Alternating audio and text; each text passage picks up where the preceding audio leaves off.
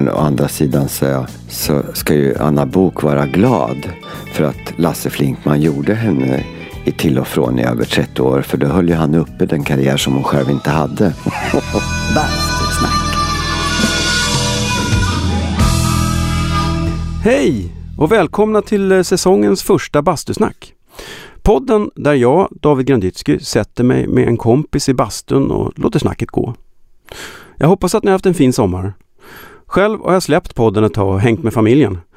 Även om jag ibland kommer på mig själv och frågar ut mina barn om hur deras barndom var och hur det var att ha en farsa som alltid låste in sig i bastun med olika människor. Jag inleder höstens bastusnack med mannen som tog dragshowen från de obskyra klubbarna och gjorde den folklig. Christer Lindar behöver nog ingen presentation. Vill ni veta mer om honom än det som framkommer i bastun alldeles strax så kan jag rekommendera hans mycket intressanta självbiografi This is my life. Eftersom Christer är ett äkta kakmonster som älskar kaffebröd så hade jag bullat upp ordentligt i bastun. Han är till och med en sån taktiker att han kör med saketter i kaffet istället för sockerbitar för att kunna äta mer sötsaker. Ett proffs helt enkelt. Innan vi går in i bastun så vill jag som vanligt påminna om att man kan gå in på Bastusnacks Facebook-sida där det finns extra material i form av lite bilder och länkar. Och som vanligt så får ni gärna skriva en recension av podden på iTunes. Nu över till bastun där Christer precis sätter sig till rätta.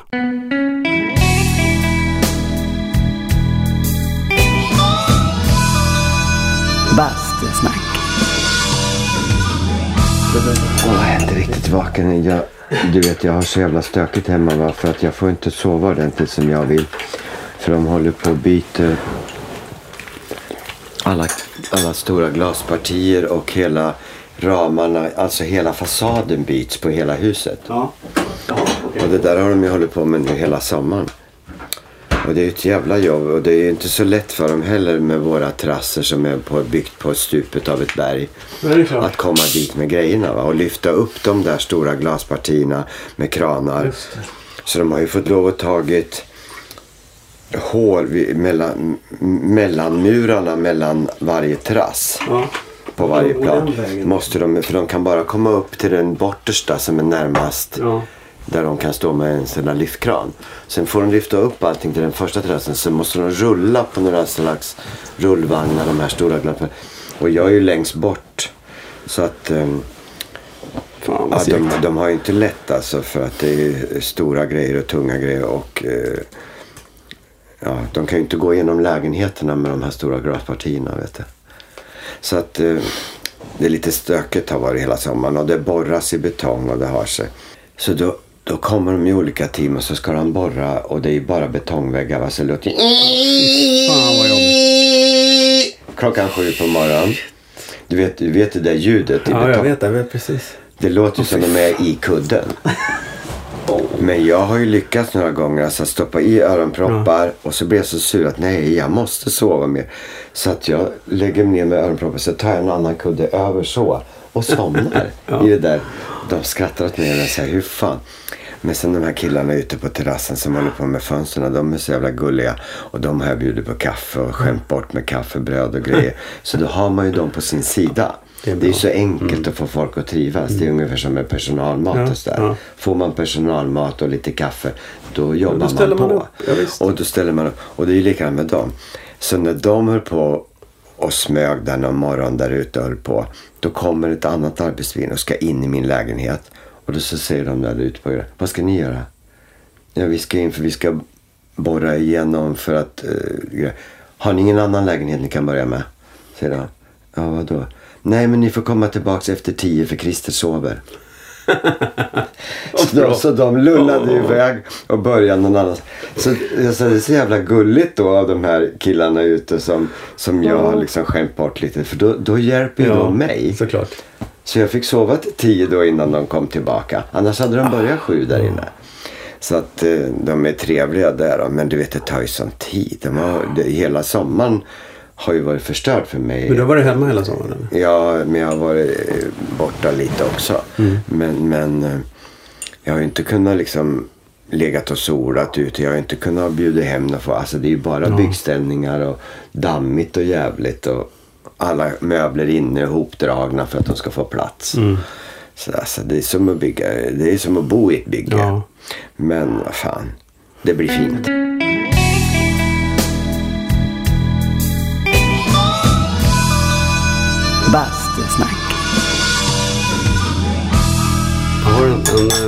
Tradition här att bjuda gästerna på någonting som är särdeles dumt när man ska prata i mikrofon.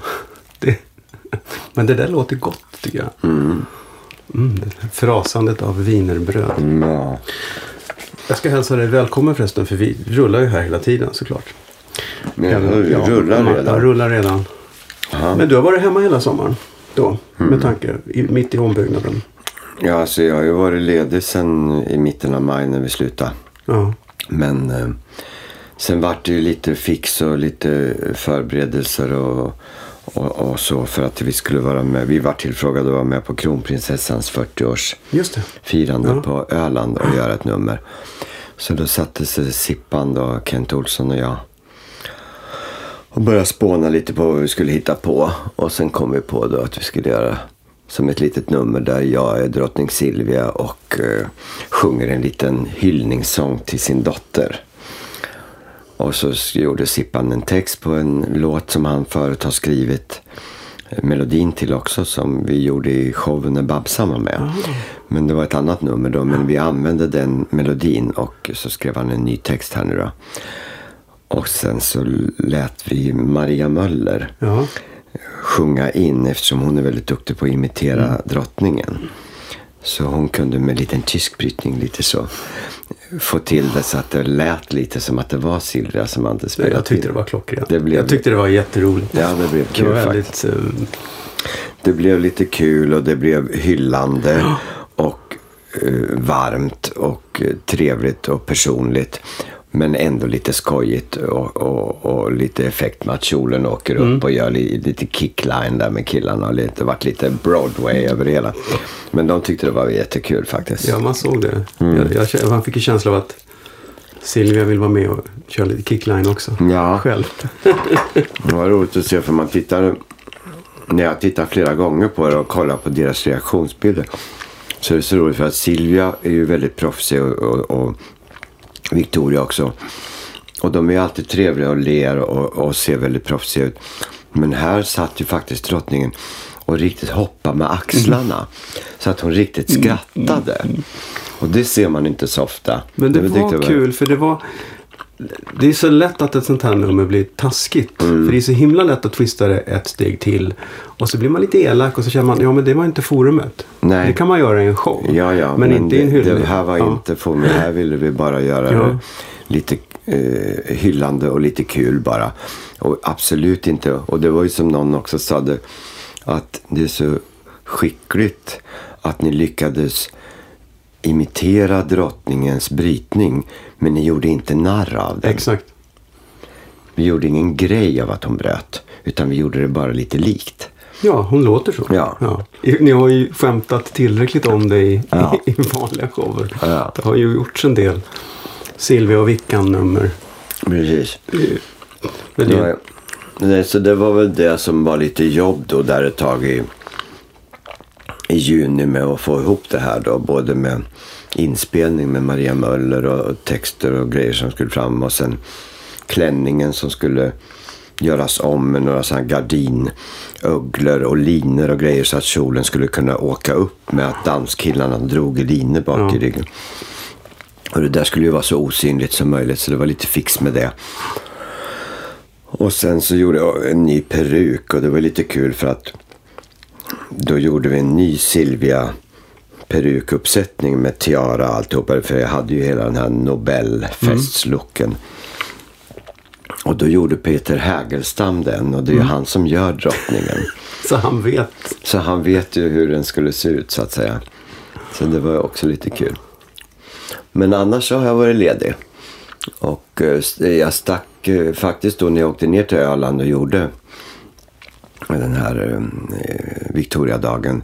Så stannade jag kvar hela helgen sen lördag, söndag, måndag på Öland. Och, och bara tog det lugnt och, och njöt av att då var jag liksom ledig. Och sen stack jag ner till Köpenhamn och tog flyg från Köpenhamn till Spanien. Så jag var borta en vecka där Okej. i värmen och det var skönt. Men annars har jag mest varit hemma. Och snacka med byggjobbare. Ja.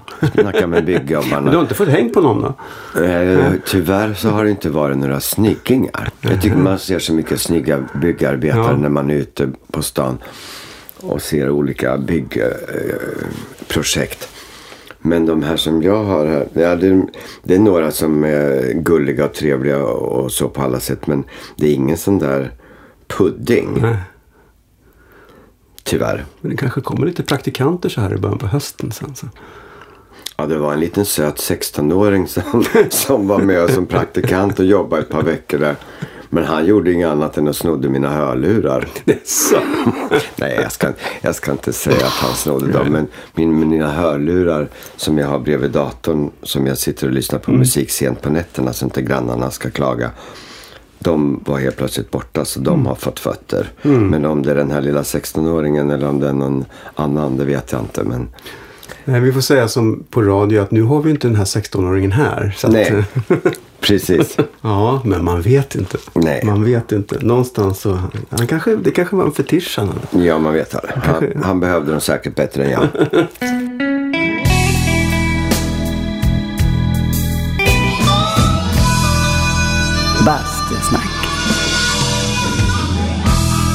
Du, jag tänkte på, jag kom att tänka på det när du kom hit. Du har så fin bil tycker jag. Men du har ju alltid gillat.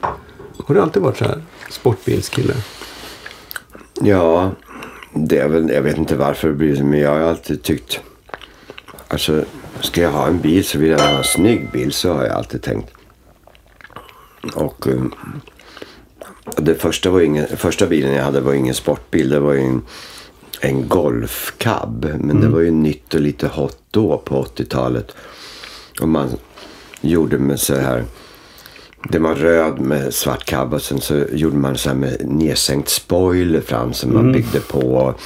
Och så rödfärgade fälgar. Såklart. Ja. Och det var massa sådana där så grejer som man i, idag tycker är lite sådär okej. Men då var det hot som fan. Superhot. Ja. Och golfcabben var ny och lite tuff då. Och sen efter den så köpte jag, då kom den här lilla Mazda Miatan. Som en liten kul sportbil. Och eh, som var prisvärd också då på den tiden. Och eh, så då köpte jag den, den kom helt nytt. Jag fick ju mycket hjälp av Flinkman där. Aha. Flinkman var ju väldigt intresserad av bilar och motorer och, Ah, ja. och allt som hade med... Han prenumererar ju på sådär motorsport och Men var inte han mer inne på större amerikanska? Jo, han gillar ju amerikanare. Ja. Han hade ju en guldfärgad, lång, stor, gammal svart, eh, eller guldfärgad eh, Cadillac. hade ju han. Och, ehm, jo, men han, han tipsade mig när det var, för han visste vad jag gillade. Så, här, så han, han, han hade koll på när något bilmärke kom med någon ny Aha. bilmodell eller någon ny tuff sådär. Så att eh, det här, har du sett den här? Och så, här. Så att han hjälpte mig mycket och om jag kunde fråga om vad tror du om den där? Då kunde han säga nej det där är jävla skit. Det är bara, det är ingenting. Så att han var väldigt kunnig.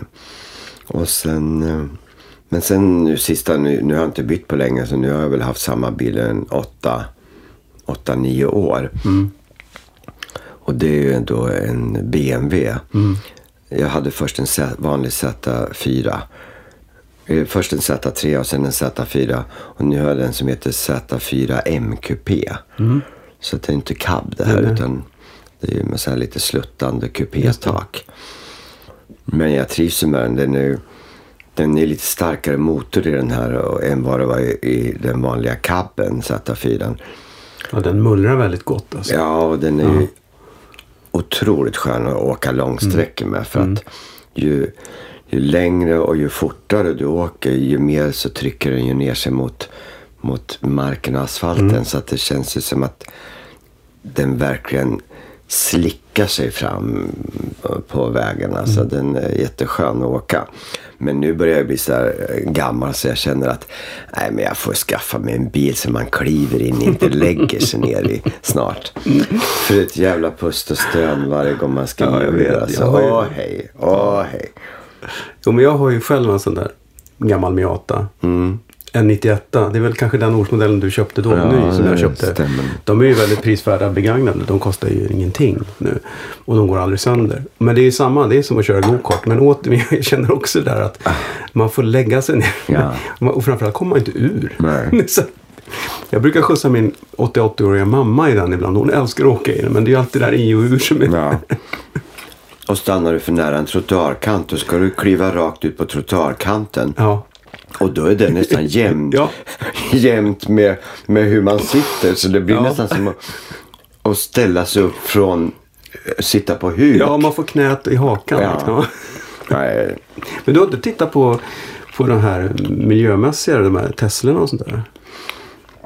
Jag har inte tittat på bilar alls Nej. på eh, de sista åren. Utan jag har bara haft den här och den har rullat på. Ja. Så att... Eh, nej, jag vet inte vad jag vill ha för bil riktigt. Men Du ska testa Varje- Teslan, den är ju grym. Alltså Mm. jag provkörde den och det är livsfarligt för att man vill ju bara ha den. Det är ju, den svarar ju, det är som en bilbanebil. Så fort man trycker ner gaspedalen så axar den upp. Och det är en, en häftig känsla. Det är Mm. jättekul. Det, det var en fantastisk glädje att köra den. Mm. Det, det var kul. får jag kolla upp? Ja, får du göra. Bastusnack. Jag satt och funderade inför här hur, hur länge vi egentligen har känt varandra. För att det är ganska länge kom jag fram till. För att jag hittade bilder från min 25-årsfest och då var du där. Det var på Lidingö. ja, det var på Lidingö. I din mammas och pappas hus. Ja. Som var ganska nära där jag bodde. Precis. Ehm, ja, det kommer jag. Jag kommer mycket väl ihåg den festen. Var det 25-årsfesten? Det var min 25-årsfest. Herregud. Ja, det är några år sedan. Det var, jag tror att vi gjorde någon, Och hur gammal är du nu? mer än 25. Jag är 51. Ja, det var 26 år sedan. Mm. Och då gjorde vi, vi måste gjort senvinter då. Kanske. Eller var det så? Vad, vad, vad blir det för Ja, årtal? det blir eh, 91 va? Mm, det var Ja, senvinter. ja, Med Jan Malmsjö ja. och Anders Berglunds storband. ja, det var ju... Det var, Lite ju- udda. det var en kul show för jag tyckte att där var det, det var den enda gången sensommar, senvinter där ni har haft, eller har ni liveband? Eller har ni haft Det är det? enda gången.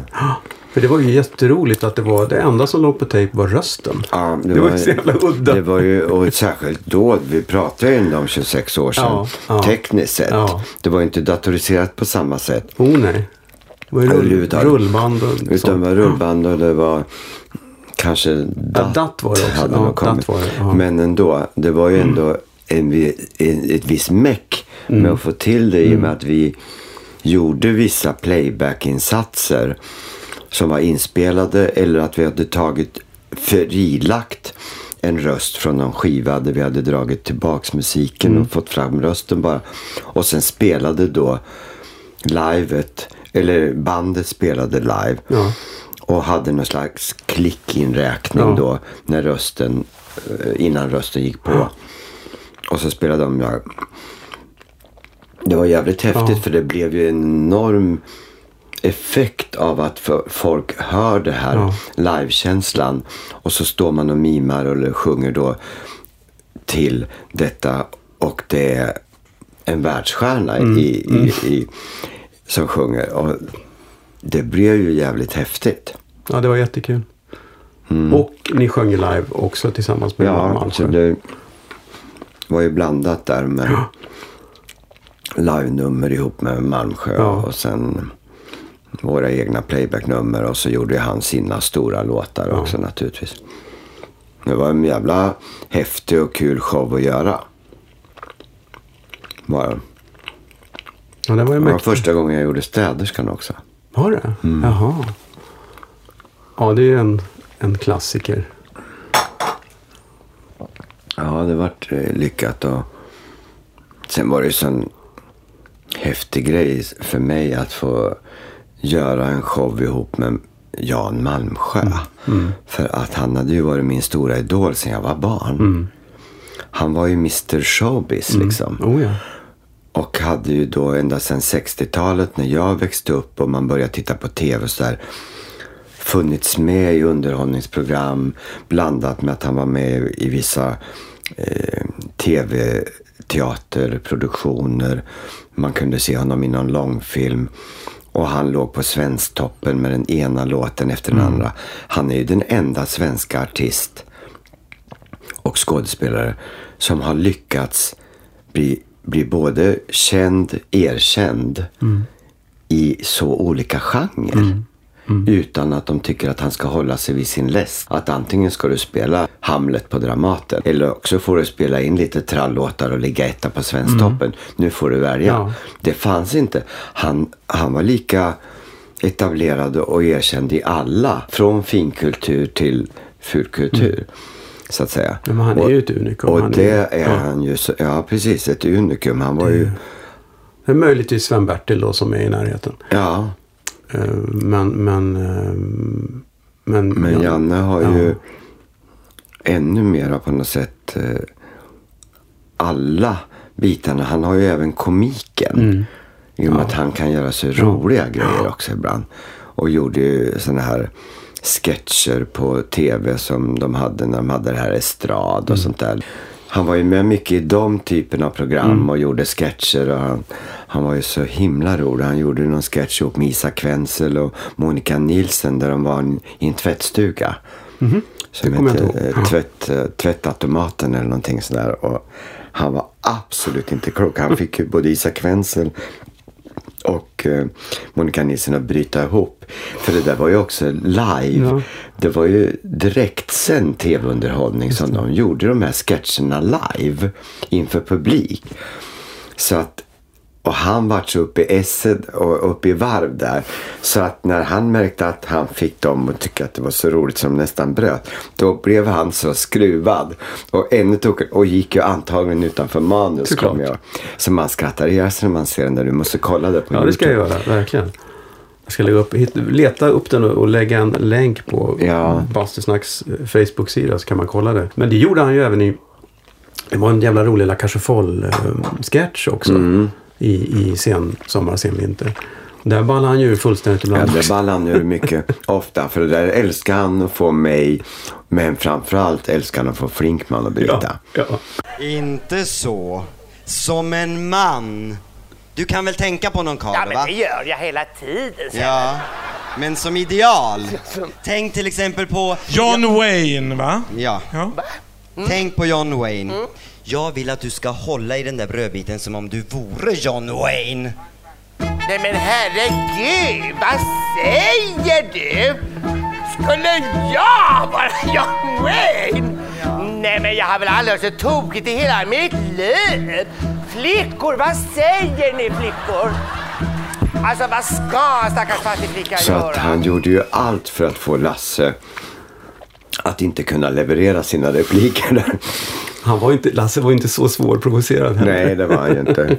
Det räckte med en liten blick eller ett litet fjolligt lillfinger Ja. från Malmsjös sida. Så fick han ju Lasse att bryta. Men däremot så hade ju faktiskt Janne lite svårt om någon annan tog poäng. Faktiskt. För han, han, vi bjussade ju naturligtvis hela tiden på, för han var ju den stora stjärnan. Men det var någon gång han gick utanför manus och sa någonting, kommer jag ihåg. Och jag då som spelade Moatchen till honom här, när det, var, det var ju han som spelade kärring i det här numret. Och jag var så att säga mannen. Och så säger han någonting utanför manus för att ställa mig lite. Och han la någonting direkt i munnen på mig så jag fick till en sån rap replik tillbaka. Så att det blev världens skratt från publiken. Då såg jag lite panik i hans ögon. Att inte han riktigt fick sista ordet i den här lilla duellsketchen. Så att jag såg hur det riktigt snurrade i hans huvud hur han skulle, vad han skulle säga då för att replikera för att få sista ordet. För jag lyckades själv då med någon liten kul grej där. Så att där var han lite, ja, där var han lite speciell att han, han skulle ju ha det där sista skrattet. Men annars så var det ju väldigt lärorikt och eh, jättekul. Och som minns- sagt var lite nypa sig i armen grej för mig som hade haft honom som sån förebild och idol. Jag vet ju redan som barn att jag sa till mamma när jag såg honom dansa och sjunga i något shownummer på tv på typ mitten av, början, mitten av 60-talet. Och då sa jag till mamma att och tänk dig mamma om man bara kunde få stå som en av de där bakgrundsdansarna och dansa där bakom Jan Malmsjö. Sen, han tände mycket av mitt showintresse kan jag säga. Vi kan ju nämna det också att han, han lever ju faktiskt för er som inte vet det. Ja, precis. Vi kände att vi pratade om honom som att han inte gör det. Nej, men, men- det gör han ju i högsta han- välmåga. Ja, ja, och han... Jag träffade honom på något kalas här eh, strax efter midsommar. Och han är ju vital som sjutton och, och hans fru Marie Göransson är ju fantastisk också. Och, och de hade ju något på gång. Nu skulle de, vad var det de skulle göra till hösten? Ja, det är någon sån här jobbig pjäs, vet du, som är hur lång som helst. Som bara två personer på scen. Så han återigen ska göra sin sista roll. Han har ju hållit på att göra sin sista roll sista 15 Ja, men åren. vet, han kan inte sluta. Han kan inte sluta. Han är ju 85 nu ja, tror jag. Ja. Och ehm, han var nämligen, eller är, eh, jämnårig med min mamma. Mhm. Och hon skulle ha blivit 85 år. Mm. Och, och, och så jag vet att han är 85. Men han är ju också en sån som, som själv säger att han måste ju jobba. Mm. För annars så han, han får ju problem med drickandet när han inte, och det har han ju sagt helt upp- öppet. När jag inte jobbar, säger han ju, då sitter jag hemma på kvällarna och dricker för mycket whisky. Och det är inte bra. Och, och det har han problem med och därför har han sagt att nej det är lika bra jag jobbar. För när jag jobbar då kan, kan jag hålla med. Men när jag blir ledig så kan jag inte hålla med. Så att eh, för hans del är det nog lika bra att han jobbar på så länge han orkar och har, har ja, men för vår del också. Då Ja, får vi absolut. nöja av honom. Jag tycker, sluta inte Janne. Nej. Fortsätt. Gör något nytt nu. ja, ja, ja, det kommer han att göra. Ja, ja. Nej, jag tycker han är... Fantastiskt. Det var kul att ha med honom att göra. Det, även om man då och då så fick man sig en utskällning. Mm. Eh, men eh, jag, brukade, jag brukade häva den genom att hälsa från min syster som han hade jobbat med på Dramaten. Då mjuknade han. Åh! då blev jag hälsa Ja. tillbaks. Flinkman var också jättebra på att mjuka upp honom Ja, lite om ja. han var lite seg eller om han var lite, på lite dåligt humör någon dag. Så här. Då kunde Flinkman skoja med honom när vi, i logen där och Janne kom någon kväll och var lite trött och lite så här halvsur. Kunde Flinkman titta på honom och säga Jag tycker faktiskt att du är lite sexig. Nu är du så där lite sur och butter. och du vet, Lasse höll på med honom och, och greja.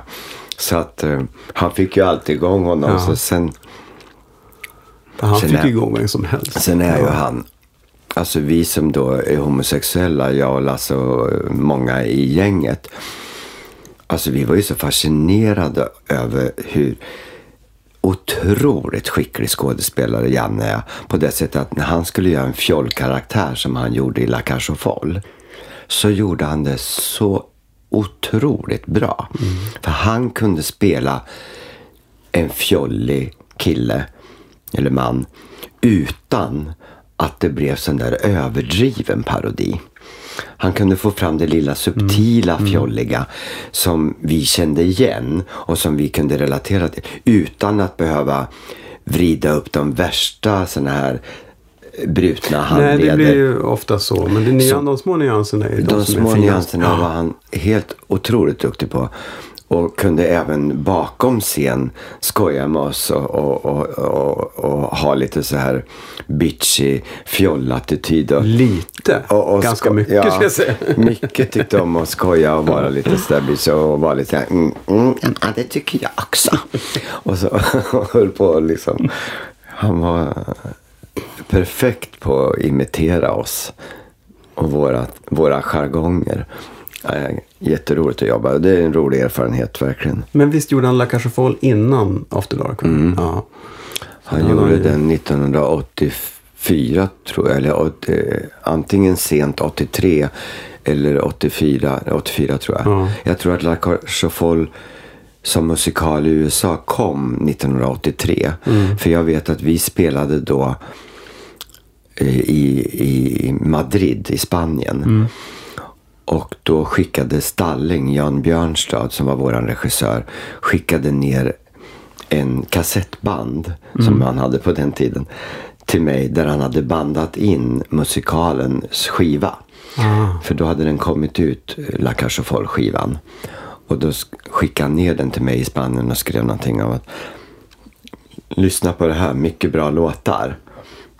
Och det var ju liksom I am what I am och det var ju liksom vår bästa tid nu och de här låtarna som är. Så att um, då fick jag den nere då, och det, vi var ju där 83.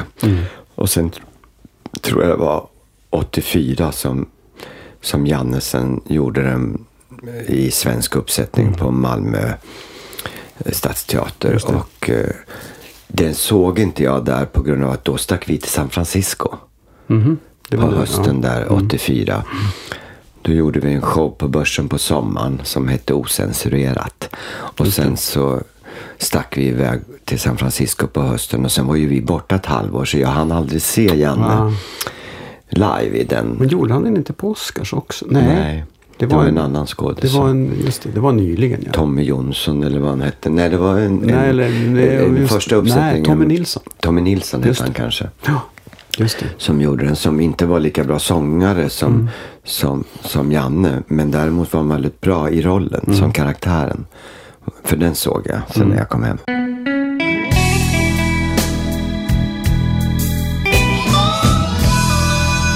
Bastusnack. Ja, men vi pratade om hur Malmsjö lyckades få Flinkman att spricka. Men jag kommer ihåg att det var ju en allmän sport att försöka få Flinkman att spricka. Ja. Jag minns någon incident med, det var någon dans, någon nummer när han hade Dolly Parton-tuttar. ja, som han rörde. Ja, Med så att händerna. armarna var låsta. Ja, armarna, han hade sina armar istoppade i varsin tutte på Dolly. Parton-dräkten. Och så hade vi fake-armar utanpå. Så att det såg ut som han stod och höll sig själv i midjan. Just det. Fast hans egna armar var inne i brösten. Så han kunde, brösten fick ett eget liv. Precis. Och jag har någon minne av då att de skickade in någon avklädd kille som skulle provocera honom. Han kunde göra någonting. ja, just det. Någon av dansarna som blottade sig för honom där i någon situation. Och han kunde inte göra någonting för han var ju låst. han var låst i tuttarna. Exakt. Bastusnack. Jo, det var mycket sådana där busgrejer. Du, apropå busgrejer. Du lyssnar inte på poddar så du hörde inte Hans Marklunds Nej. avsnitt här som jag gjorde. Han... Jag tänkte att Ja. här måste jag kolla med Christer sen. För att han berättade om sista kvällen på, på gamla AD-klubben. Ja, er sista innan ni gick till börsen. Så, ni hade fått erbjudande att showa på börsen. Och så hade ni er sista föreställning på, på, på AD. Och efter det sista numret så går Surprise Sisters upp på scenen och kör ett Superflash-nummer. Och ni blev skitsura som han upplevde. Så ni satt längst fram och var skitsura över att... För det fanns ju någon liten eh, små schism där i och med att... eh, Ja, det skrev de i boken kommer jag ihåg med namn, namn och diverse saker. Men sen efter ett par dagar när de skulle in på klubben. De skulle in och repa. Så upptäckte de att alla kablar till alla lampor var avklippta. Är det någonting som du känner till? Nej. Jo, varenda, varenda sladd i taket var klippt. Han misstänkte att det var sabotage från... Du var inte Ja, inblandad i det. Nej, inte vad jag minns att jag var inblandad i något sånt. Men det, det låter ju ganska troligt Ja, att, eh, att vi kan ha hittat på något sånt djävulskap där för att hämnas. Eh, men eh, jag var inte direkt fysiskt inkopplad i det, kommer jag inte ihåg.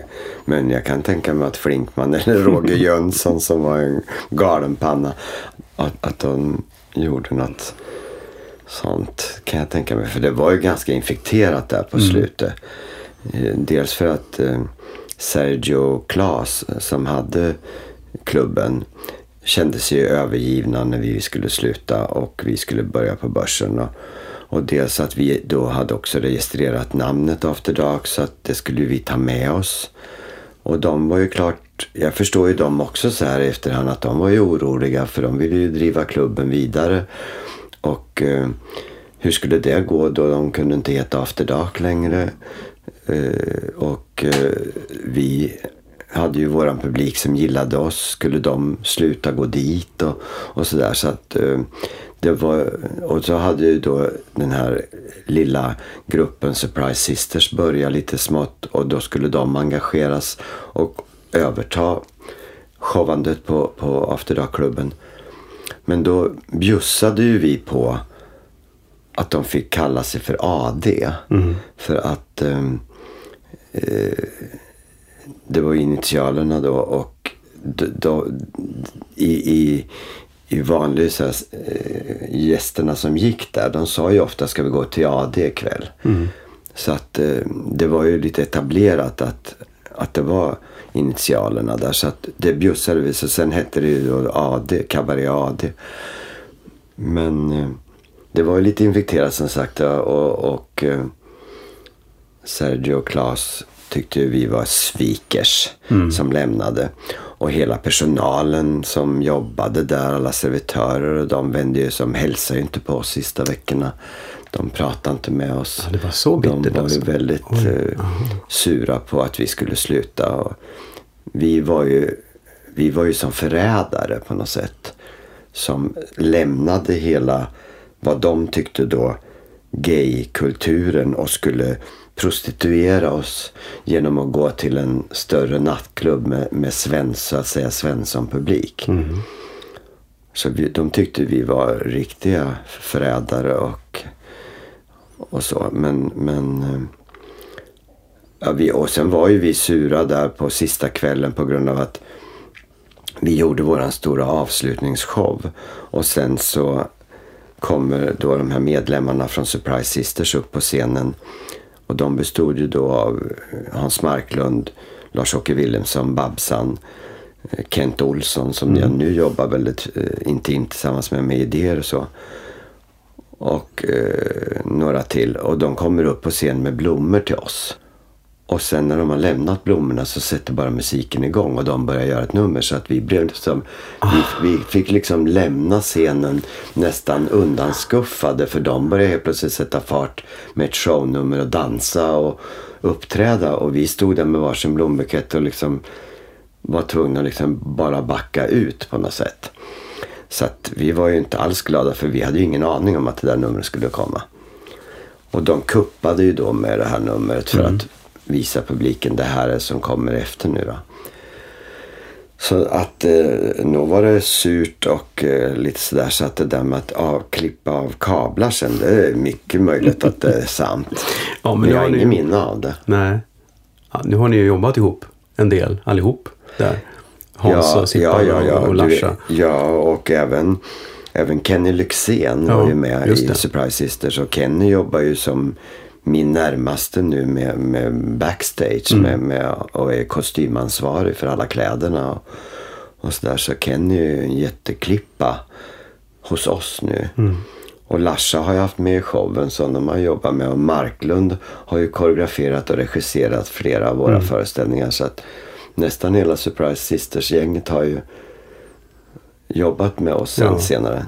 Det är ju en, alltså man kan tycka att nöjesbranschen i Sverige är ganska liten. Men om man ska titta på dragshow-biten av nöjes-Sverige. Så är den en ytterligare, det är en väldigt, väldigt liten klick. Jämfört. Jag menar alla, alla känner alla på något sätt. Mm, Ja, det gör den.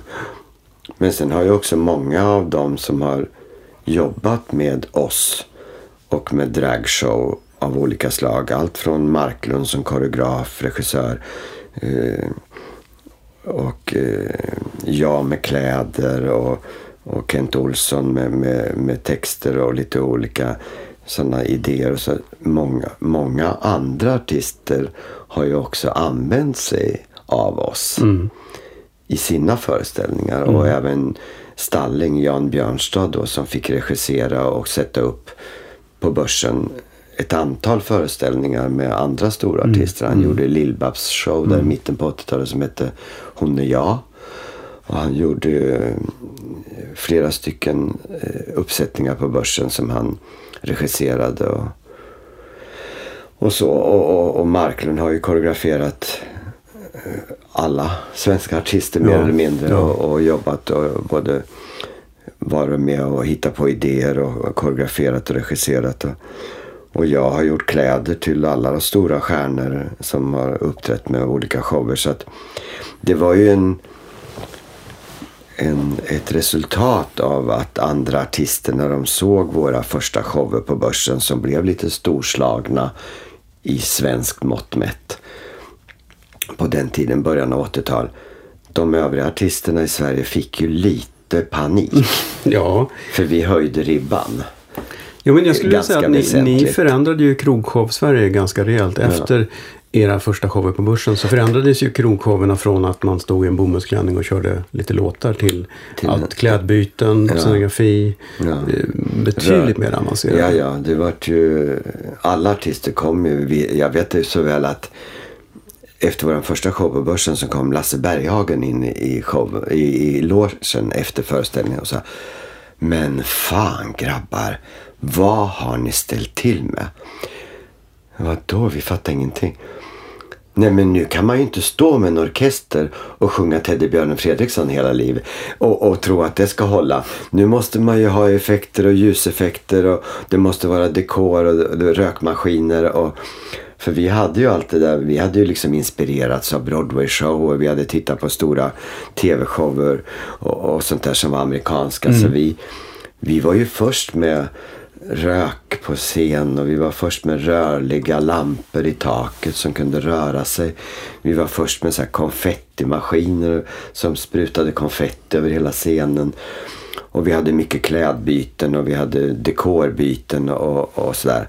Och dansare och, och grejer. Så, så att alla artister var ju tvungna att steppa upp lite och, och, och ta in lite mera show i sina föreställningar faktiskt. Men ändå så är det ju, trots alla de här stora showerna, alltså framgångarna och, och förmågan att göra så jävla roliga shower och bra shower. Eh, så, så varje gång vi jobbar ihop, vi har gjort det några gånger, en vecka före premiären så kommer ju den klassiska repliken Vi har ingen show.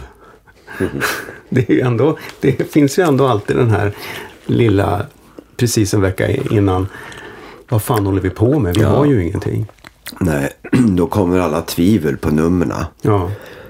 Man tycker inte att det blev så bra som man trodde att det var i huvudet. Eller det hinner inte bli klart. Eller man känner, kommer det här att gå hem? Man börjar tvivla på materialet. Men det är någonting som följer med. Det spelar ingen, verkar inte spela någon roll hur många shower man gör. Det där momentet kommer alltid ändå. Ja. Men sen brukar det alltid pusselbitarna falla på plats till slut. Oh ja. I alla fall. Ja, ja. Gör de ju. Ni kör ju 90, mestadels, eller egentligen numera alltid, så är ni beroende av förinspelade tejper på något sätt. Även om, även om det sjungs live nu för tiden så är det ju alltid inspelat. Jag minns någon gång i eh, showen 96, tror jag det var, när vi körde med någon ny konstig teknik på någon CDR-skiva som någon, någon, någon, någon föregångare till DVDn. Där vi hade lagt både bild och ljud. Och då hängde sig den i kanske tio sekunder och du och Lasse satt i en soffa och kunde inte göra någonting. Men tack och lov så gick det igång sen. Ja. Men det är ju jävligt, ni är ju väldigt beroende av det där. Vad, vad är det värsta tekniska haveriet du har varit med om? Ja, alltså det är några stycken sådana där saker som säger att det hakar upp sig eller Ja. att det stannar och blir bara knäppt i. Alltså det, ljudet och inspelningarna då som, som får det hela att bli levande när vi sen gör våra grejer till detta. Ljudet är ju våran akilleshäl. För händer någonting med ljudet då, då är det ju kört. Ja. Vi kan ju inte liksom bara göra något akustiskt helt plötsligt emellan tills de fixar det här eller så. Så att det har ju alltid varit känsligt. Men tack och lov så har det faktiskt inte hänt så många eh, incidenter ändå genom årens lopp. Peppar peppar.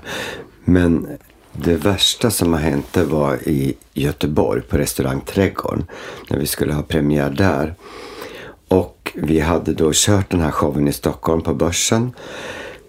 Och vi hade repeterat här nere i Göteborg några dagar och öppningsnumret var en inspelning av min egen röst. Men det låg inspelat på bandet så att jag mimade så att säga till min egen inspelade röst och skulle kännas live. Och killen som skötte den här bandspelaren, det var ju Revox bandspelare med rullband på den tiden. Han har på något jävla konstigt sätt lyckats vända bandet så att fel sida går mot själva spelhuvudet på, på bandspelaren. Så att han eh, ljudhuvudet på bandspelaren går på baksidan av bandet. Han har lyckats spola det fel på något sätt. Så när premiären är och musiken går igång och min röst och jag kommer ihåg jag som törs, jag styr min kurs till trädgården ikväll. Det var den här Sweet Georgia Brown-låten. Då hör jag min egen röst långt bort.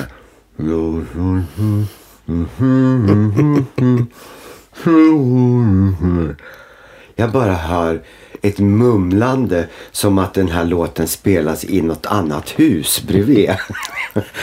alltså jag fick fullständig panik på premiären. Och han som skötte bandspelaren och ljudet, han fick ju ännu mera panik. Såklart. Så han i, och jag hade ju då en, en eh, mikrofon i handen för det här skulle ju verka som live. Och det var en riktig mikrofon. Så då hör jag hur han istället för att stanna eller fixa till det här med ljudet på något sätt. Så får han bara panik och drar upp ljudet på min mick. Så helt plötsligt så märker jag att nej men nu, Nu sjunger live. jag live här. På riktigt. Med en musik som känns som att den spelas i en annan lokal. Så det enda som hördes var min mer eller mindre a cappella-sång. Men jag gjorde hela öppningsnumret i det här läget. Sen så bröt vi och stannade och sa ursäkta men det har blivit något fel på vårt musikband. Fan. så att vi måste ta en litet break här och fixa. Det tror jag nog är det värsta för jag, jag ville bara sjunka. Och det kändes som att den där låten som jag skulle sjunga då mer eller mindre a cappella i tre minuter. Kändes som att det var två timmar lång alltså. Tyckte fan. aldrig den tog slut. På premiären. Ja, alltså. premiär. Av Fy fan vad hemskt det var. Oh. Ja, det var inte roligt. Smärtsamt. Men det är... Nej, mycket har man varit med om. Men det där... Åh. Vidrigt. Vidrigt. Det har blivit dags för... Skämskudden. Herregud vad pinsamt. Skämskudden. Nej, inte den där gamla demon. Har du någon bra skämskudde? Nej men du hintade ju mig Mm. när jag kom hit att jag skulle tänka och, eller om någonting jag kunde ta med mig som, som är en sån där skämsgrej. Mm. Men grejen är ju så här att vi har ju gjort en del nummer och, och saker som man har trott på och som man har kört på, på repetitioner och kanske på publikrep och även på premiär. Men sen har man märkt att det här gick inte hem. Och det blev inte alls så som man hade tänkt. Så då har ju vi bara plockat bort det. Och, och tagit ur det ur showen. Så jag har ju liksom ingenting kvar av det som är filmat sen för tv-shower. Och sånt som är inspelat och grejer. Då är ju showen bra. Så alla de där grejerna som inte var så bra. Jag har ju inte gjort en massa singlar Nej. när jag var ung som, som, som var gräsliga idag. Eh, det som jag kan tycka och som jag väl någonstans i någon gammal låda har kvar någon singel eller två av. Det, var, ju- det gavs ut en låt eh, som singel. Jag kommer inte ihåg vilken som var på framsidan. Men jag undrar ifall det inte var den 84 där som hette Klart för start. Som var våran finallåt då som, som, som vi gjorde. Och på baksidan då, på B-sidan som man sa på en singel. Så gjorde jag en, en jättesuggestiv konstig låt som kallades, som hette Slavinnan. Och som Eva Dahlgren skrev texten till. Och den var så här jättemystisk och jag stod där och skulle nära micken. i mitt rum av mörker. Och det, var så här bara jättedjup, konstig text. Och, och jag skulle vara någon slags... Ah, någon slavinna till någon, någon man som bara var någon slags... Men jag är naken. Kyss mig nu. utnyttjade mig och, och sådär. Jag var bara liksom ett föremål för honom och det var så dramatiskt kommer jag ihåg. Förskräcklig historia.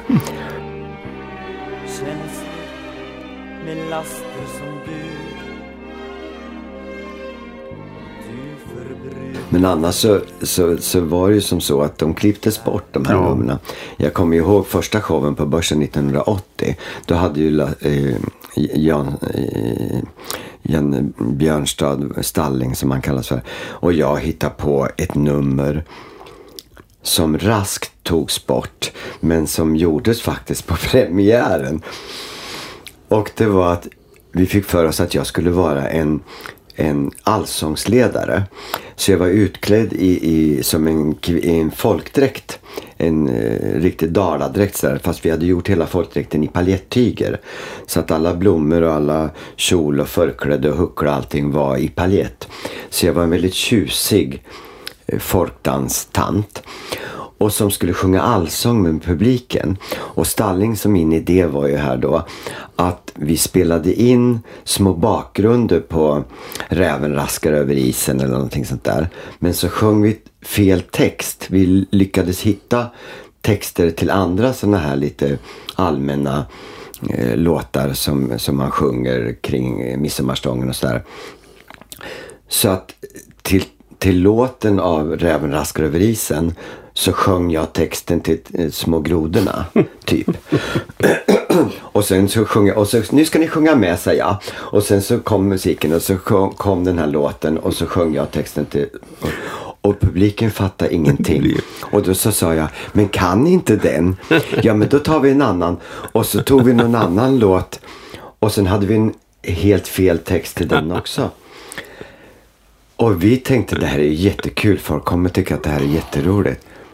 Det var bara det att folk satt, det var liksom 600 personer som satt med, som brevlådor och bara med gapande och bara tittade på det.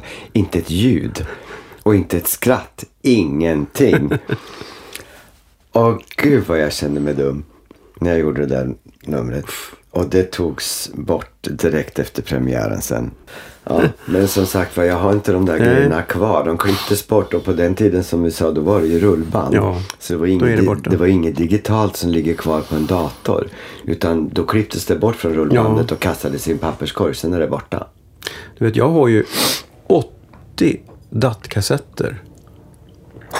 Och jag vet inte hur många hårddiskar med After Dark-material. Som jag har, jag har ju spelat in sen, ja, jag vet inte första gången, men jag, lite grann sen vinter, men 96 när vi gjorde 20-årsshowen då. Så hade, jag- det är sådär, jag kunde ju få frågor nu från Sippan till, till den här sista showen. Att, att du, det här eh, Eva Dahlgren sjöng in där 96. Har du möjligtvis hennes röst bara utan musiken? Ja. Och då gick jag ner i källaren i två dagar och så japp, då hittade jag den. Jag lyckades restaurera. Det var någon fin som var lite skadad med. Så den hade vi. Så kunde man göra en ny bakgrund till den. För Ja. den gamla bakgrunden var lite dammig. Men eh, det, det lönar sig. Och, och liksom aldrig det är slänga någonting. det. Egentligen vore roligt någon gång att sätta sig och lyssna igen. det, För du bandade ju så mycket där då när vi spelade in olika artister. Jag minns när du bodde på Söder hade den där lilla källarateljén under din lägenhet. Mm. Då, då var ju Kiki Danielsson där Mm. en gång och spelade in. Och då vet jag så väl att, att Carola hade uttalat sig om det var någonting tokigt eller något religiöst eller något knäppt som Carola hade gjort. Så Kiki Danielsson stod ju där inne medan du bandade och hävde ur en massa saker om Carola som var så roligt. Så vi sa att det här skulle vi nästan vilja använda i showen. Men det gjorde vi inte sen. Det var, men det finns mycket sånt där material som Jag hade mellantagningar, Ja, ja, ja, ja. grejer Jag har massa sådana roliga grejer med. När jag, jag skulle ha nu, jag skulle... mm, Årets kvinna finns det ett nummer som heter. Där skulle jag ha någons röst också nu till något. Och då hittade jag ju massa snack och mellangrejer som är helt sjuka. Men apropå Kikki. Jag hade ju i många år som, du vet, man har en liten... Eh, det kommer en ljudsignal från datorn när man, ja, man gör något fel. Ett boink, boink. Min gamla dator i studion sa under många år Jävla Carola! med Kikki Danielssons röst. Ja, men precis.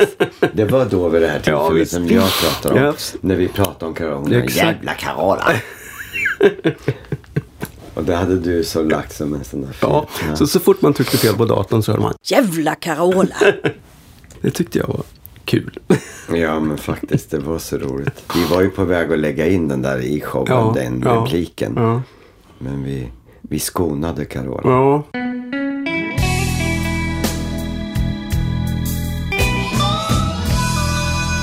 Bastusnack. Kolla en häger. Åh, så vacker. Som flyger förbi Ja. utanför bastufönstren. Och stannade Läckert. där på en gren. Titta. Ja. Den fiskar. Se De är skygga hägrarna. Men vi brukar ha dem här ibland faktiskt. Den är jättevacker. Jo, apropå...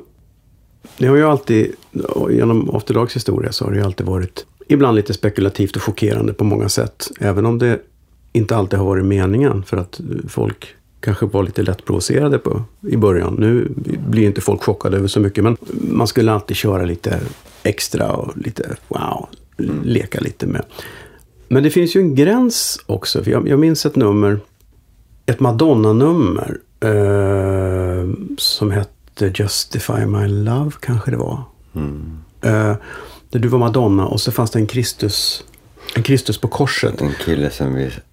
En av dansarna Ja. som Och så på var repetitionerna Jesus. där så, så var det, så skulle Madonna upp och bestiga, om man får uttrycka sig fint, Ja. själva Kristus. Och då minns jag hur, hur Arne, våran uh, ljusdesigner, sa att gör ni det, då släcker jag. och så blev det inte. Så det togs det bort för att då var det, då kom man väl fram till det kanske, att det var mer stötande än provokativt Ja, eller, ja. eller taskigt. Eller, men numret i sig var ju kvar. Men just den där... Är det, är det svårt att veta var gränsen går? Nej, jag tycker att vi har väl haft lite eh, fingertoppskänsla för det där någonstans oftast. Men där kanske det var, det är ju sådär när man kommer in på lite just religiösa anspelningar och det vart ju lite mycket sådana grejer där ett tag när Madonna kom. För då var ju hon väldigt provokativ med religiösa symboler och, och hon hade väl egna religiösa grubblerier. Så att då var det ju mycket i hennes musikvideos och låtar som det fanns eh, sådana eh, inslag av både eh, lite drift med kyrkan och kyrkans roller och, och allt det där. Och sen gjorde ju vi det här numret med Jesusfiguren på korset och Madonna. Men vi tog väl ner det sen lite grann då till att jag var väl, jag, var, jag spelade ju Madonna. och Vi gick väl så pass långt så att vi gjorde att jag smekte honom lite grann när jag gick runt korset. Men eh, inte mer än så blev det ju inte. Men annars så vet jag inte ifall vi har haft så mycket eh, så att, som har stoppat oss direkt. För vi har tyckt att nej men det här blir nog för mycket. Eller det här tål nog inte. Jag minns ju de här diskussionerna med Sara Wedlund, men de var ju en annan sak. Jag kommer ihåg att, att, att man, man, man skojade om det. Och så glömde man bort att hela numret handlade ju faktiskt om Mauro Scocco. Ja. Det var ju det som var huvudgrejen. Sara kom ut att, att eh, och Flinkman var så förbannad på att men vänta nu, jag är gay, det kan man garva åt. Mm. Jag är tjock, det kan man garva åt. Kan man inte garva åt, men jag kan inte hjälpa, jag är, så här är jag. Mm. Och, och det är ju, då är det accepterat att det är roligt. Varför kan man inte vara rolig när man är smal? Han Ja, blev men så... precis. Det, det, var, det var ju vi lite arga på när vi fick kritik för att Rickard Engfors då som vi hade med i showen som var väldigt, väldigt smal. Och att han spelade då Sara Wedlund och att, och att hon var ju väldigt smal. Men det var ju innan det hade stått i någon tidning att hon hade ätstörningar. Det var ju lite så spekulationer och lite snack runt omkring av att mår hon bra? eller inte för att hon var så himla smal. Och eh, såg nästan undernärd ut. Och sen när vi gjorde parodin här när, när, vi, när Flinkman spelade Maros Scocco då som vi kallade i låten Maros Choco. Bara det är ju också i så fall en förolämpning egentligen mot eh, tjocka personer. Ja, precis. Och sen så sprang Rickard Engfors över scenen då som i löparkläder som en jättesmal Sara Wedlund och han sjöng Sara kom ut ikväll. Så det var ju anspelning till Sara-låten. Men kritiken blev ju då från media att vi drev med anorexia sjuka. Och det, det var ju inte alls meningen. Och, och sen som Flinkman, han var ju den som var, som var mest förbannad och menade på Jaha, men jag ska bjuda på min tjockhet och den ska ni få skratta åt år ut och år in. Att jag är så tjock och så rolig bara för att jag är tjock. Men om man skojar med någon som är lite för smal, då är det fy och skam. Och, så, så att det var ju... Jag vill minnas började också att, lite dubbelmoral. jag vill minnas att journalisten i fråga hade ju inte ens sett showen. De hade ju Nej. bara fått hört talas om det. Nej, för det var någon som skrev om det efter premiären. Och sen så hakade andra journalister på och fördömde detta sådant. Trots att de inte ens hade sett numret. Ja, för ingen som var där upplevde det Nej. så. Det Alltså, var ju som tycker- nu förra året när jag var med i någon morgon-tv på TV4 och, och pratade om, om Flinkman och då hade ju Flinkman precis gått bort. Och så pratade jag om lite olika grejer och då frågade de om vi hade några schismer och ifall det var några sådär mellan oss genom åren. Jag sa att ja, det var ju lite rivalitet ibland och särskilt i början då att vi var lite sådär man dels rättvisetänkt. Du ska inte ha fler solonummer än vad jag har och ska du göra ett nummer till så ska jag också göra ett nummer till. Och, och sen fanns det lite som jag sa, lite avundsjuka från Lasses sida när, när journalisterna jämt ville fota mig till omslag eller så där och han inte fick vara med och det var lite fokuserat på mig där i början. Kunde han bli lite avundsjuk på. Sen, men sen som jag sa då i den här tv-intervjun att jag kunde ju å andra sidan bli lite avundsjuk och, och sådär på Lasse efter att jag hade då kanske repeterat i månader på något stort häftigt shownummer och dansat med killarna och slitit häcken av mig. Så räckte det med att han klampade in på scen som en tjock liten Anna Bok och drog ner största applåden.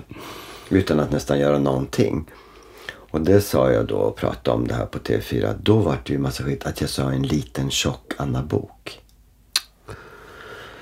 Och jag menar jag syftar ju inte på henne då. Nej. Även om hon är tjock. Eller Ja, var. men- Nu har hon väl gått ner i vikt. Men jag syftar ju på att Lasse var tjock.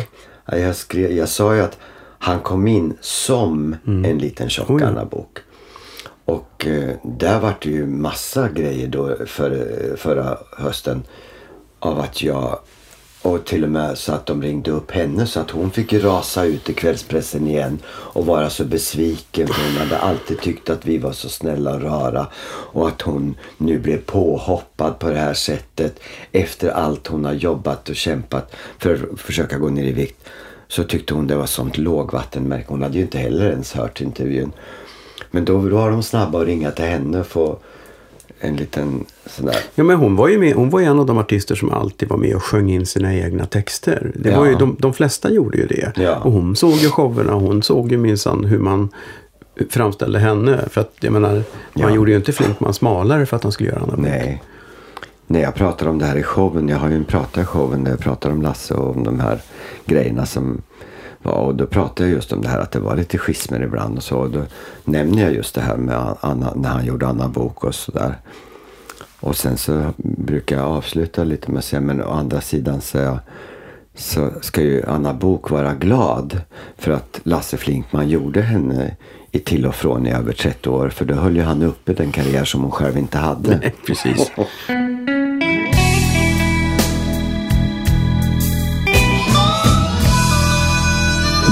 Bastusnack. Jag läste din bok. Jag, tyckte det var, jag tyckte det var jättebra. Men jag blev ju lite upprörd där alltså, på ett ställe. Du går ju hårt åt min fru och hånar henne. Är otroligt för det här med skorna. Yes, ja. Jag tänkte bara... Jag, titta. Det här hittar jag i garderoben. Är det klack? Högt, du ser? Ja, Ja, hon har sjungit till dem. ja. Du ser? Jag vill bara bevisa att, Att hon jo, har lite hon har lite klackskor också. Ja, Ja. ja, det tror jag säkert. Eh, Hon kanske var just då när vi gjorde, när jag gjorde kläderna och köpte skor och detaljer till Livet är en schlager. Så var det ju väldigt mycket annat som var jobbigt under Mm. den produktionstiden. Det vet du ju själv om. Det var lite jobbig repetitionstid. Så alla var ju väldigt trötta och ganska känsliga och nerverna utanpå Mm. i, i hela ensemblen. Och så kommer jag då med några snygga eh, högklackade skor och så skulle hon sjunga dem. Och då, så då var hon väldigt eh, petnoga och eh, sa jag kan inte ha så höga klackar när jag ska sjunga och, och de här kan jag inte. Och jag försökte ju med lite så små, men ja men det är ju bara finalen. Du, du slutar ju med att du blir en stor schlagerstjärna och får vara med i Melodifestivalen. Man måste ju liksom ha såna snygga skor till den här fina klänningen. Ja, men jag kan inte ha de här. De, ja, så hittade jag några andra då som var eh, någon remsko och då var det också fel. Och så, ja, det var en tre, fyra. Och jag var ju också jävligt trött Ja. och så skulle man ner på stan igen och försöka leta. och då till slut så ruttnade jag på din fru. Det var då jag till slut sa, då köpte jag en pumps som hade eh, en liten klack på en fem centimeter någonting. Och sen så tänkte jag, ja men om man fyller hela den här skon med strass så det bara glittrar på foten så, så kanske det blir okej. Och så sa jag det till henne, ja. Om du inte kan ha den här skon nu då får du åka ner och köpa någon jävla schollsko själv, sa jag. Så då hade hon Det dem. gick det bra. Men att eh, jag tror det var mycket trötthet Ja. i de, den här lilla irritationen som fanns då från henne och även från mig. För jag var ju också trött på att springa runt. Men eh, Ja, jag tror inte det var sen så. Det var ju ingenting hon kom hem och berättade Nej. efter repetitionerna Och kan jag sen- säga. jag skojade med henne en gång där i början och det var något av de första paren som jag kom med. Hon sa jag kan inte sjunga så där höga klackar. Och då så sa jag kan Lady Gaga sjunga i sina jävla skor som hon har på sig på scen så kan du sjunga i de här sa jag. Så att, eh, ja. Ja. Men det där Ja, var en trevlig liten sak som Fint. Så hon kanske har lärt sig. Ja, kanske lärt. ja, det är kanske tack vare dig. Ja. Ja. Jag tyckte om den här passusen när du hoppade in på premiären. Som, Eh. och spelade Jean-Pierre Ja. Barda. Det var Katarina Evelöv som var med i Livet är en schlager. Ja. Skådespelerskan. Och hon hade ju bara sett mig som den här lilla, ja hon visste ju vem jag var naturligtvis. Men hon hade ju då under hela repetitionsperioden bara sett mig springa runt där med, med skitigt hår. Ungefär och bara servat dem med nya kläder och provningar och stressat och farit iväg och köpt detaljer och skor och smycken och fixat och donat. Eftersom jag var kostymör i den uppsättningen. Men sen när det blev då att en av killarna som spelade en liten roll i, i föreställningen som, och skulle komma in på scenen som Jean-Pierre Barda utklädd till lite Army of Lovers-stuk och, och, och ha en liten scen. Och han blev sjuk sista dagarna inför premiären. Så fick jag, då frågade Jonas Gardell, Christer kan inte du hoppa in och göra Jean-Pierre Barda? Ja, Åh herregud så jag ska göra det. Men det var inte så många repliker. Men så gjorde jag det då ett par eh, publikrep och premiären. Och när jag kommer in på, på scen bara som champion så vart det ju världens applåd bara när jag kommer in. Och sen så drar jag några repliker ihop med Johan Glans. Och sen så var det inte mer med det. Och jag fick sån jävla jätteapplåd. Så efteråt sa Katarina Evelöv då till mig. Men det är ju fan, här jobbar vi en hel föreställning på nästan tre timmar. Och så du, går du in med två repliker och får största applåden. Sa hon sådär. Och då tänkte jag att ja, men du har bara sett mig som kostymören här. Du vet inte att jag kan fylla den här lokalen själv om jag vill. Med after dark-showerna liksom. Så att, eh, Nej, det är ju det där med vilken roll man har för tillfället. ja. Det är lätt att glömma. Precis. Ja. Men nu har du After Dark-rollen. Ja, nu är Igen. after dark-rollen igen. Nu är det Oscarsteatern under hösten här. Och sen är det klart. Eller? Ja, i alla fall med så här stora produktioner har jag ju sagt. Jag har inte sagt att jag ska sluta helt. Men Du får börja köra på små klubbar igen då eller? Ja, tanken har Ja. funnits. Eller att jag gästar lite här och där. Mm. Eller att jag sätter upp en liten mindre turné på kanske lite mindre spelställen som inte är stora arenor och konserthallar och kongresshallar Mm. och sådär. Utan kanske gör lite mera Saknar du den där klubbkänslan? Ibland kan man ju... Men det, det är svårt att, att känna hur det skulle kännas att göra klubbkänslan idag. För att eh, det är ju så länge sedan när man var så ung när man började där. Däremot så kan jag tycka att jag börjar få en sån mera intim... Ja, dels vågar jag nu för tiden göra mycket mera prater. Jag vågar vara mycket mer personlig med publiken. Och eh, jag vågar säga saker som jag tycker om saker och ting. Och jag vågar prata. Jag har inte vågat gjort så mycket prat på scen förut. Och det har ju uppskattats otroligt mycket i den här showen jag gör nu. För jag gör ju en del rätt allvarliga prat i den här showen också. Både om Flinkman och hans bortgång. Och även om de grabbarna som vi har mist genom åren genom HIV och aids-perioden. När vi förlorade en sju, åtta stycken i gruppen. Alla var inte av HIV och aids. Det var något självmord och så var det någon som dog av hjärtinfarkt. Men, men det var ändå ett antal personer som försvann och de gör jag också en, en lite mera allvarsam prata om faktiskt i showen. Och, och det här har uppskattats väldigt mycket från publiken nu. Att man har vågat vara lite mer personlig.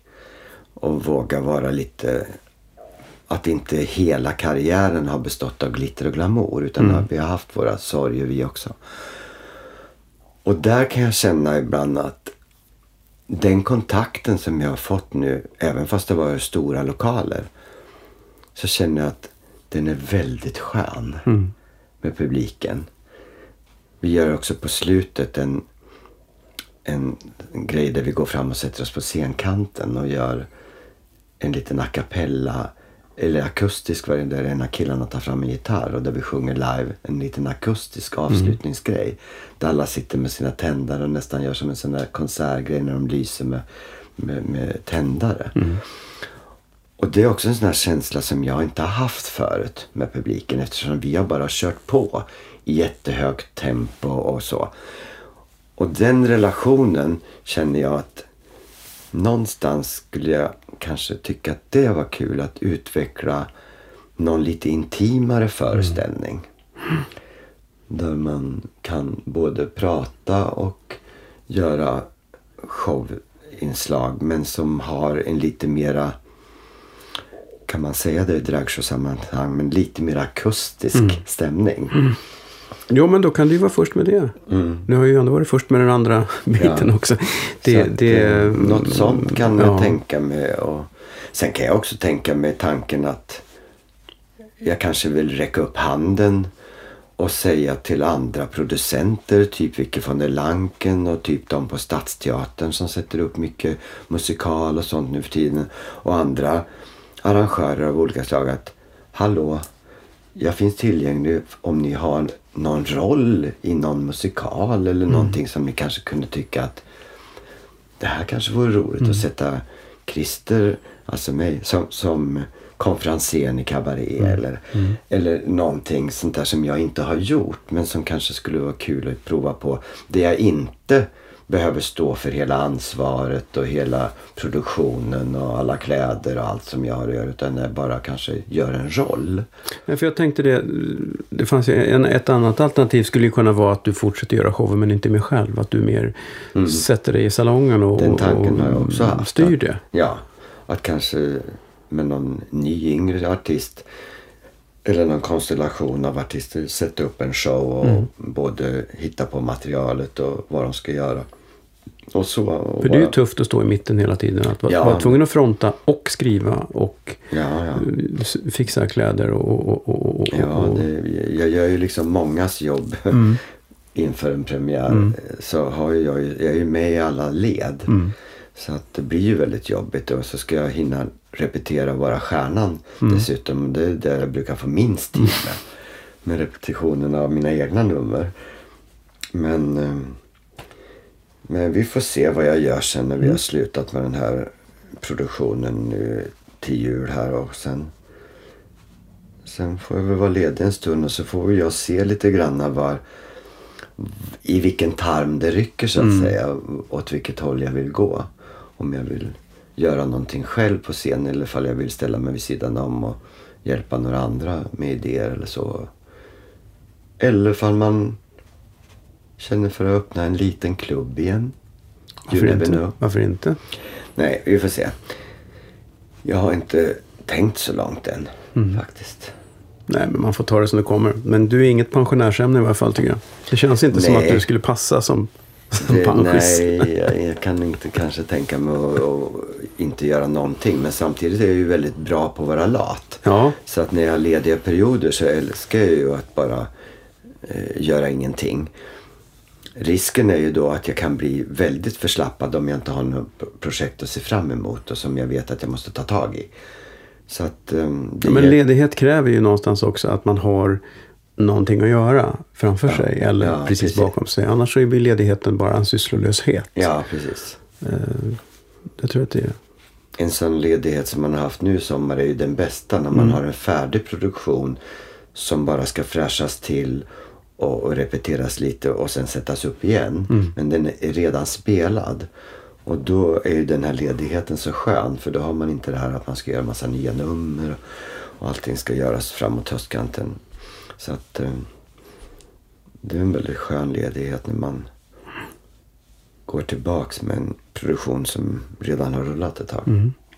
Ja, jag måste gå och se. Jag har inte blivit av. Men jag har inte varit här heller. Nej, Så jag får skylla på det. du är välkommen att titta på. Jag tror jag har levererat något material till den, men jag Ja, minns det inte vad. Jo, men jag har ju haft kontakt Ja. med dig angående vissa grejer. Ja, just det. Jo, de äldre. Det är äldre. Bland annat den där Eva Dahlgren-grejen där som du pratade om. Precis. Som precis. sen blev struken. Jaha. det, var det, det var de timmarna i källaren. Ja, men jag hann skicka fakturan. ja, hörru du. Eh, ja, jag tror att eh, bastun är varm, sjön är kall. Så det bara tack för det här. Om inte du har, har du någonting att tillägga? Är det Nej, något du känner att vi har missat? Absolut ingenting att tillägga. Så skulle, så skulle Flinkman ha svarat. Ja, vi har absolut inget mer att säga varandra. Nej, nej, nu är det slut. Nu är det slut. Ja, tack. Tack så hemskt mycket för din tid, Christer. Ja, men tack Ja. själv och tack för jättegott kaffebröd.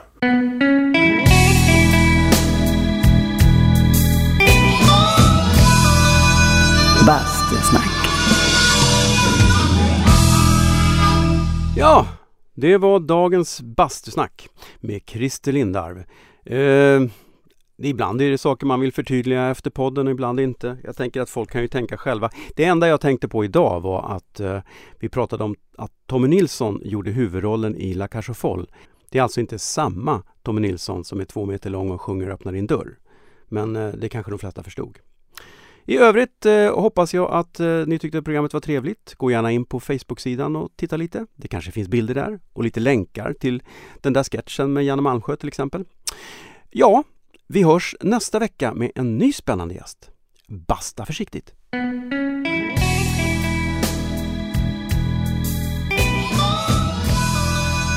Bastusnack.